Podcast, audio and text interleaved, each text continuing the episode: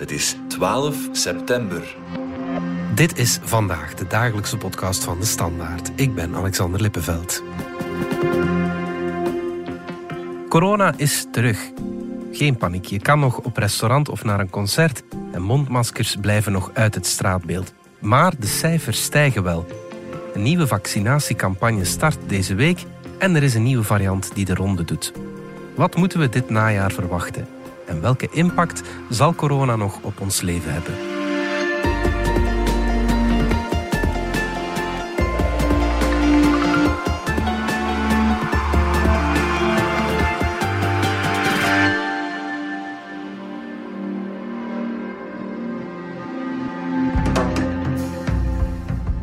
Dries Smet van onze wetenschapsredactie. Het is een tijdje geleden dat je hier zat hè, om over corona te praten. Moet ik mij al zorgen maken? Je bedoelt over mij? over jou nog niet, nee. maar over corona. ik denk niet dat je op dit moment al grote zorgen moet maken. Oké, dat, is, uh, dat is goed. Maar de Wereldgezondheidsorganisatie trok afgelopen week toch aan de alarmbel. We continue to see concerning trends for COVID-19 ahead of the winter season in the northern hemisphere. Dat doen ze niet zomaar, hè? Nee, dat klopt. Dus ze hebben opnieuw gewaarschuwd dat het wel, zeker in het noordelijk halfrond, opnieuw toch een, misschien een lastig corona-najaar zou kunnen worden. Mhm. Nu, als je kijkt naar de cijfers waarop ze zich momenteel baseren. Eh, je ziet inderdaad wel een stijging in Europa, maar ook in Noord-Amerika.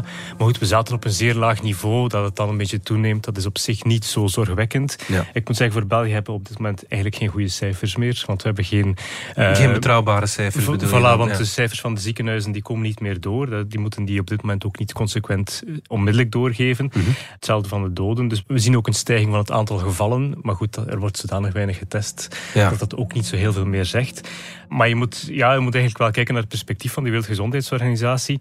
Wat zij zeggen is, als je dat op globaal niveau bekijkt, dan zie je eigenlijk, zelfs met die lage cijfers, dat er best wel nog wat mensen in het ziekenhuis liggen voor corona. Zij berekenen dat op 100.000 momenteel. Mhm. En dan zeggen ze, ja, eigenlijk is het seizoen nog niet goed begonnen. Dus als je dat in een veelvoud krijgt in het najaar, ja, dat zullen wel een pak meer zijn. Als wij nu kunnen waarschuwen en we kunnen daar een stukje van afdoen, dan is dat sowieso winst.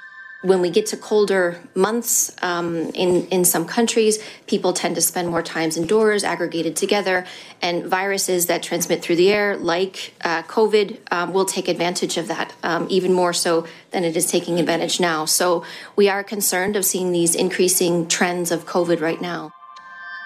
Want voor de duidelijkheid, de pandemische fase die is al voorbij. Die is al even voorbij. Ja, ja, ja oké, ja. goed. Uh, eind augustus schreef uh, onze collega Hilde van den Einde een artikel over een nieuwe variant met de naam Pirola. Daar uh, stond, vond ik, toch een zorgwekkend zinnetje in. De manier waarop de nieuwe coronavariant BA286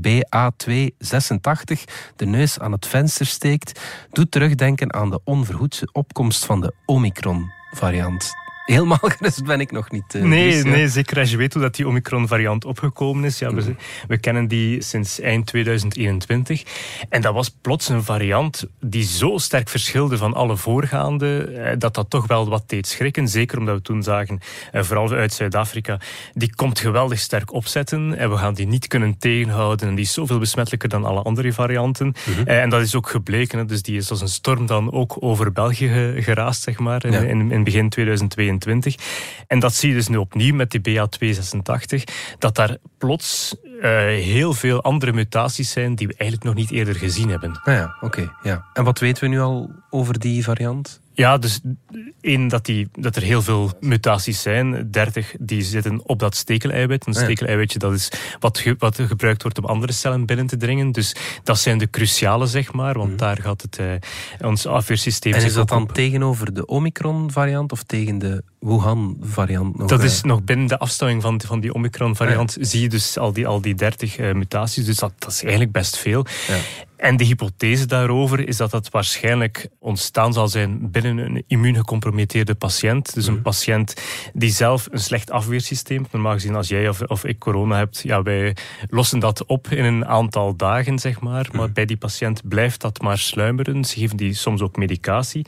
Waardoor dat die corona-variant die in zijn lichaam is, die blijft dan muteren in dat lichaam en past zich steeds beter aan aan de eventuele afweersystemen van een mens. Dus hij, hij leert steeds, steeds beter om, om dat afweersysteem te omzeilen.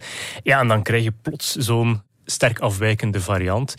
Die, als je dat vandaag bekijkt, op zich zijn daar nog niet zo heel veel gevallen van bekend. Er zijn er nu iets meer dan 100 die in de database zitten. Natuurlijk zijn er veel meer besmettingen, maar goed, dat zijn er toch al 100 vastgesteld. In 15 landen tegelijkertijd, wat aangeeft dat die toch al breder circuleert. Maar goed, we zullen moeten zien hoe dat precies gaat. Want als je kijkt naar, als men dan in het labo gaat gaan kijken, ja, hoe besmettelijk is die variant, dan blijkt dat eigenlijk nog wel mee te vallen. Ah ja. Dus in die zin is die wel sterk gemuteerd, maar eigenlijk niet zo super aangepast aan de mens. Dus is eigenlijk het vermoeden van wetenschappers nu dat die waarschijnlijk nog wat verder zal moeten muteren. Dat een van de nazaten zal zijn van die variant die misschien toch nog breder zal gaan circuleren. Ja, en hoe ziekmakend uh, is hij dan? Weten we dat? Nee, dat weten we op dit moment nog niet, omdat er eigenlijk nog te weinig gevallen zijn. Wat wel interessant is, is dat er in Groot-Brittannië een uitbraak is, in een uh, woonzorgcentrum.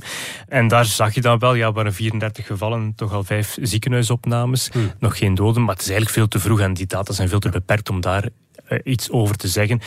Maar het vermoeden is wel, omdat dat nog altijd binnen diezelfde Omicron-variant zit, dat dat ook het ziekmakende karakter van Omicron zal hebben. En van Omicron weten we dat die een pak minder ziekmakend is dan de Delta-variant destijds. Ja, ja, inderdaad. Goed. Uh, Pirola, uh, ik moet eerlijk zeggen, ik heb uh, niet veel Grieks gehad uh, op school, maar het is geen Griekse letter. Hè.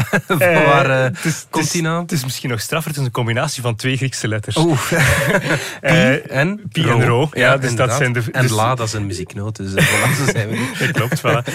ja. Ja, ja, je hebt die, de Wereldgezondheidsorganisatie heeft op een gegeven moment beslist om Griekse letters toe te gaan kennen aan die varianten, zoals je weet. En dus Omicron is de laatste die ze toegekend hebben. En omdat die zo sterk afwijkt, is er wat speculatie misschien krijgt hij wel de volgende Griekse letter, dat is dan de pi, ja. uh, en daarna de rho. Dus het is een beetje, uh, zeg maar, speculatie okay. uh, dat het misschien toch ook een Griekse letter zal krijgen. En Pirula is ook een asteroïde die uh, denk in, in vijf jaar rond de zon gaat in ons sterrenstelsel. Ja. Dus men geeft ook vaak die varianten een geuzennaam. Dat is niet officieel, het is niet de Wereldgezondheidsorganisatie die die toekent. Maar het maakt het wel makkelijker om erover te praten. Als wij ja. telkens BA286 moeten zeggen, dan is Pirula net iets makkelijker. Ja, ja inderdaad. Um, zijn er nog varianten op komst eigenlijk? Ja, in die zin, nu is XBB 1.5, dat is ook een Omicron variant. Hmm. Dus die X geeft aan dat het een combinatie is van verschillende varianten die ontstaan is. Ook daar heb je dan weer mutaties op. En wat we vandaag zien, is dat er een specifieke mutatie nu veel vaker opduikt. Die is in, bij ons ook al dominant. Dus je ziet, die is al veel meer verspreid dan die Perola-variant waar we het daar net over gehad hebben. Mm. Maar dus, feit, die krijgen dan uh, ook namen zoals Eris en, en Fornax. Mm. Die varianten zijn duidelijk en opmars, hebben een evolutionair voordeel. En ja, daar zie je ook dat, dat die ook doorbreken. Moeten we ons eigenlijk nog zorgen maken over sterfte bij die nieuwe varianten in het algemeen dan? Het is toch zeker iets wat we in de gaten moeten houden. Mm. Omdat er altijd een variant kan ontstaan die ziekmakender is. Nu, tot nu toe, in het voorbije zeg maar, jaar, twee jaar, hebben we dat niet meegemaakt mm. dat er opnieuw een variant ontstaat die, die ziekmakender is. Alleen zijn die varianten wel goed in de gaten te houden, omdat dat coronavirus heeft zich toch bekwaamd zeg maar, in het omzeilen van die immuniteit. Ja. En dan weten we telkens dat die immuniteit omzeilt, zullen toch wel meer mensen ziek worden. Ja. En meer mensen ziek, ja, bestaat toch altijd een kans op, op sterfte. Dus in die zin ja, is het ja. wel in de gaten te houden. Ja, ja, dat brengt ons bij die immuniteit. De meeste mensen zijn ooit al besmet geweest of zijn gevaccineerd. Helpen die vaccinaties ons nog eigenlijk, of die besmettingen, in onze immuniteit? Zeker, als je, als je kijkt naar het verschil tussen nu en in maart 2020 herinnert je wel ook nog die beelden, ook, ook uit Italië, maar ook uit onze ziekenhuizen. Ja. ja dat was een groot verschil tegenover nu. Mm. De kans dat er iets misliep, zeg maar, en dat iemand in het ziekenhuis belandt of zelfs op intensieve zorg, zelfs kerngezonde mensen, was toen een pak groter. Dus je hebt zeker die immuniteit die achtergrondimmuniteit, dat helpt zeker. En ja, je hebt verschillende soorten immuniteit. Je hebt een T-celimmuniteit, zeg maar, dat is bescherming tegen zware ziekte. Die helpt, zoals het nu is, tegen alle varianten. Ja. En dan heb je de specifieke antistoffen. En antistoffen zijn veel specifieker, veel, zijn veel variantspecifieker. En daar zie je wel dat er twee effecten zich voordoen. Enerzijds neemt het aantal antistoffen in je bloed af na verloop van tijd. Je bent geïnfecteerd geweest en dan zit je chockvol antistoffen en dat neemt na verloop van tijd af. Dus je bent op zich die eerste barrière is minder aanwezig, dat is één. En twee, die zijn ook specifiek. Dus als daar telkens nieuwe varianten zijn, dan maakt het ook opnieuw weer moeilijker om die te herkennen. Dus de kans bestaat wel dat je toch opnieuw een infectie opdoet en dat je daar misschien ook wel wat symptomen van hebt. Maar de kans dat je er zwaar ziek van wordt, die is toch sterk afgenomen. Als ik al die elementen nu samenneem, Dries, dan ja, bon, maak ik me al een pak minder zorgen dan mhm. aan het begin van deze podcast. Maar toch, deze week start een nieuwe vaccinatiecampagne. Is dat dan echt wel, ja, wel nodig? Ja, bij zo'n campagne moet je eigenlijk altijd de vraag stellen. Ja, het is een kosten-batenoefening. Je hebt uh, enerzijds de kost van zo'n campagne. Dat kost geld, maar ook moeite. Er is ook wat risico bij verbonden, want het blijft toch altijd een medische ingreep. Mhm. En anderzijds heb je die baat van, van een campagne. En dan zien we ja, dat die baat minder en minder wordt. In die zin, ja, meeste gezonde mensen die hebben al een, een achtergrondimmuniteit. Die zijn al eens besmet geweest, zoals we daarnet ge eh, gezegd hebben. Dus die, die hebben een, een zekere vorm van bescherming. Mhm. Ehm, dus nog eens vaccineren naar bovenop, dat helpt dan net iets minder opnieuw. We zien anderzijds wel dat die bescherming afneemt na verloop van tijd. En dat gaat eigenlijk al relatief snel. We hebben ook bij de vorige boostercampagne gezien dat mensen na drie, vier maanden dat die bescherming toch, toch weer opnieuw afneemt. Mhm. Dus ja, moet je dat zo zien. Enerzijds, die bescherming neemt af. Dus als je die opnieuw kan verhogen, dan kan daar een baat in zijn. Anderzijds zal die bescherming ook niet super lang blijven duren. Dat is ook niet dat dat voor het volgende jaar opnieuw die bescherming zal gaan bieden. Wie zal daar dan de meeste baat voor hebben? Ja, de mensen die het grootste risico lopen. En dat dan zeker oudere mensen, want leeftijd is, is een zeer bepalende factor in de kans uh, of je ernstig ziek wordt van corona, maar ook onderliggende aandoeningen eh, en dergelijke meer. Dus daar ga je dan die baten tegenover het risico gaan afwegen. Ja. En dan hebben ze voor deze campagne gekozen om eigenlijk enkel maar die vaccinatie te gaan aanbevelen bij mensen die al iets ouder zijn, 65-plussers, mensen die onderliggende aandoeningen hebben en ook mensen die zwanger zijn bijvoorbeeld, mm. omdat zwangerschap ook wel een risico is, toch voor het kind dan. En mensen die in de zorg werken, uh, omdat die nu eenmaal veel in contact komen met kwetsbare mensen. dus dat is toch een, uh, een grote groep natuurlijk. Hè? Mhm, Wat wordt er aan ja, gezonde mensen die niet zwanger zijn en onder de 65 en niet in de zorg werken. Eh, wat wordt hen aangeraden? Wel, eh, de Hoogezondheidsraad heeft in eh, juni nog een advies daarover afgeleverd. En ja, het was wel opvallend dat daar letterlijk maar twee zinnen over in stonden. Ah en ze zeiden eigenlijk heel, heel kortweg, routinevaccinatie wordt niet aanbevolen. Ah dus dat wil zeggen, eigenlijk wordt het niet aanbevolen voor die, voor die populatie, voor de gezonde populatie. Maar ze zeiden er meteen ook wel bij, ja, als ze willen, dan kunnen ze uiteraard een booster krijgen. Maar dat is dan eerder omdat ze daar zelf voor kiezen, dan wij eigenlijk kunnen besluiten op basis van het wetenschappelijk, of de wetenschappelijke aanbeveling over het nut van die vaccinatie. Ja, dus dat is hetzelfde beleid zoals bij het griepvaccin. Klopt, ja, ja, ja, ja. Is het dan een risico om telkens maar te blijven vaccineren voor gezonde mensen? Daar is wel wat schrik voor. Dus er zijn wel wat hypotheses van mensen die zeggen: ja, als je telkens maar blijft inenten, ja, dan kan dat misschien ervoor zorgen dat je immuunsysteem lui wordt, dat je een verkeerde imprinting krijgt. Dus omdat je vaccineert met een bepaald type, dat dan misschien niet circuleert, ja, dan krijg je misschien de verkeerde. Of leer je je immuunsysteem een verkeerde reflex aan. Maar als je kijkt in de praktijk, dan zien we dat eigenlijk niet in de cijfers. Als dat hmm. zo zou zijn, dan zouden mensen die ingeënt zijn op een bepaald moment slechter beschermd zijn dan mensen die niet ingeënt zijn bijvoorbeeld, of niet die extra prik gekregen hebben.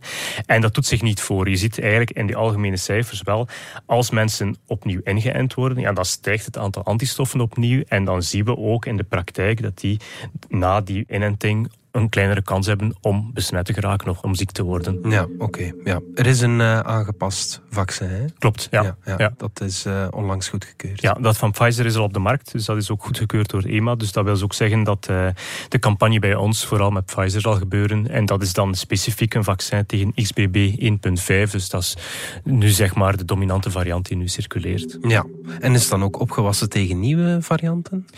Daar was onlangs nog een studie over, vorige week verschenen. En dan zie je eigenlijk twee effecten. Dat is een labo-studie, dat is dus nog beperkt. We moeten zien in de praktijk hoe dat uitdraait, maar het geeft wel een indicatie.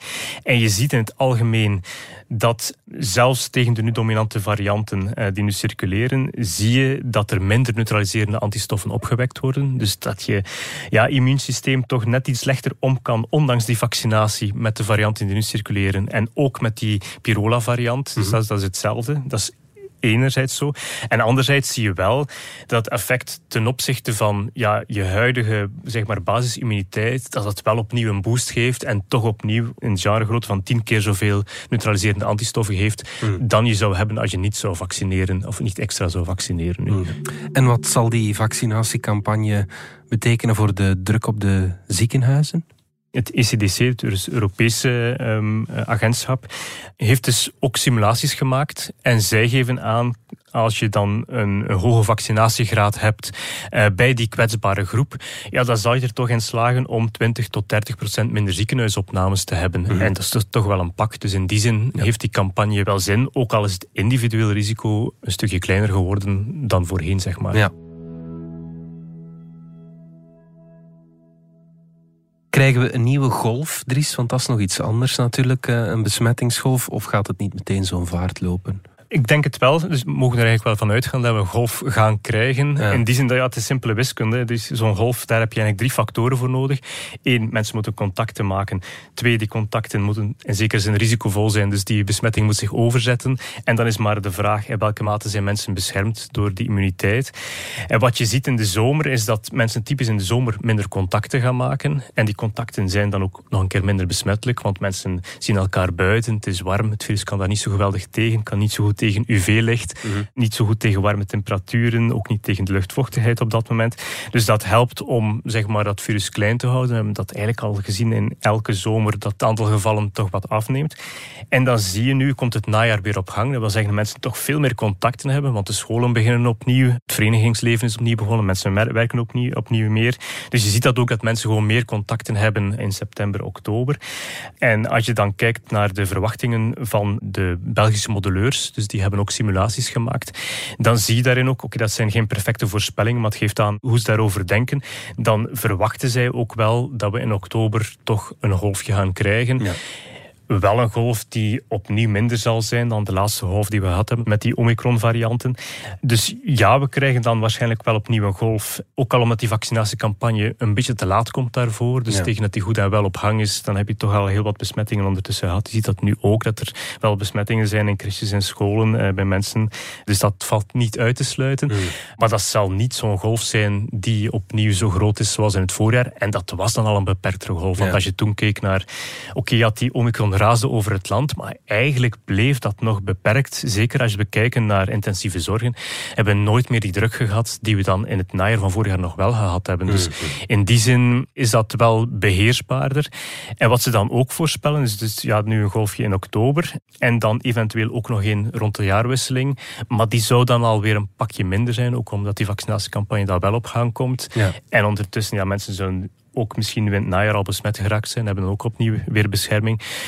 Dus ja, het valt te verwachten dat er misschien toch nog een golfje aankomt, mm. maar niet meer met diezelfde druk in de ziekenhuizen waarschijnlijk. Ja, En denk je dat er maatregelen komen en we meer ja, terug mondmaskers zullen moeten dragen? Het zou kunnen. Het voordeel is nu wel dat we, dat we dat toch al een beetje geregeld hebben, zeg maar. Dus we mm. hebben al een aantal niveaus afgesproken. Dus nu zitten we eigenlijk in het, in het laagste waakzaamheidsniveau, omdat men zegt, ja, het was zomer, er was weinig circulatie, dus eigenlijk zijn mondmaskers nergens meer nodig. Ja.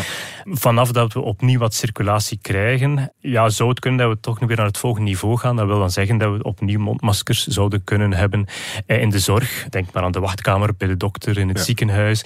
Misschien als je in een woonzorgcentrum op bezoek gaat, dat je dan opnieuw wel een mondmasker draagt.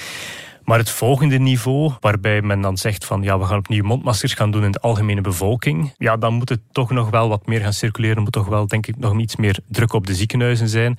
Uh, dus dat zie ik nog niet zo snel gebeuren.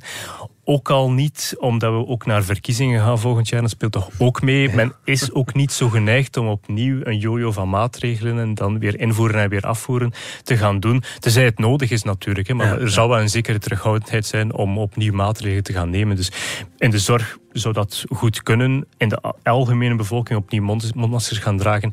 Ja, dat zal van de sterkte van de golf afhangen. En als die is zoals nu gedacht wordt, dan zie ik dat nog niet zo snel gebeuren. Oké, dus uh, kerst met vier rond een vuurkorf buiten, dat uh, zal het waarschijnlijk niet worden. Uh, maar goed ook. Goed, Dries Smet, dankjewel. Met plezier. Dit was vandaag de dagelijkse podcast van de Standaard. Bedankt voor het luisteren. Volg ons op Spotify, Apple Podcast of eender welk ander podcastplatform. Of download de vernieuwde app DS Podcast, waar je ons werk en de beste luistertips van onze redactie terugvindt. Alle credits van de podcast die je net hoorde vind je op standaard.be-podcast. Reageren kan via podcast.standaard.be.